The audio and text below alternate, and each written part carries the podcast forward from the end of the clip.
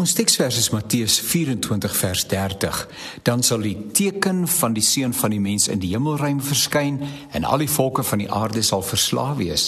Hulle sal die seun van die mens op die wolke van die hemel sien kom met groot krag en majesteit. Wanneer een of ander opspraakwekkende gebeurtenis plaasvind in die wêreld, is die wederkoms van Christus weer onder bespreking. En uiteraard is die saak van kardinale belang en deel van die belydenis van elke Christen gelowige. Net dit ons bykans seisoonaal aan die wederkoms herinner word in steede daarvan om ons lewe vanuit daardie perspektief te benader.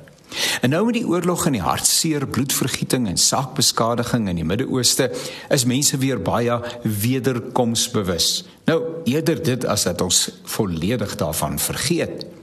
Die wederkoms het inderdaad merkwaardige betekenis.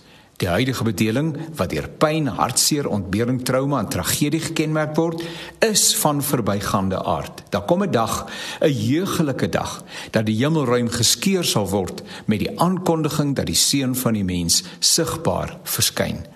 Presies hoe hierdie dinge gaan plaasvind is uiteraard moeilik om te verstaan of om jou dit voor te stel. Wat die Bybel wel sê, is dat elke oog hom sal sien en elke tong sal bely dat hy die Christus, die Messias koning is. En sommige sal hom verwelkom, maar ander sal wegkruip en wens dat die aarde hulle kan insluk. Hoe tragies. Die uitnodiging is tog steeds met ons. Kom en laat ons die saak met mekaar uitmaak, sê die Here. Waarom stel mense uit?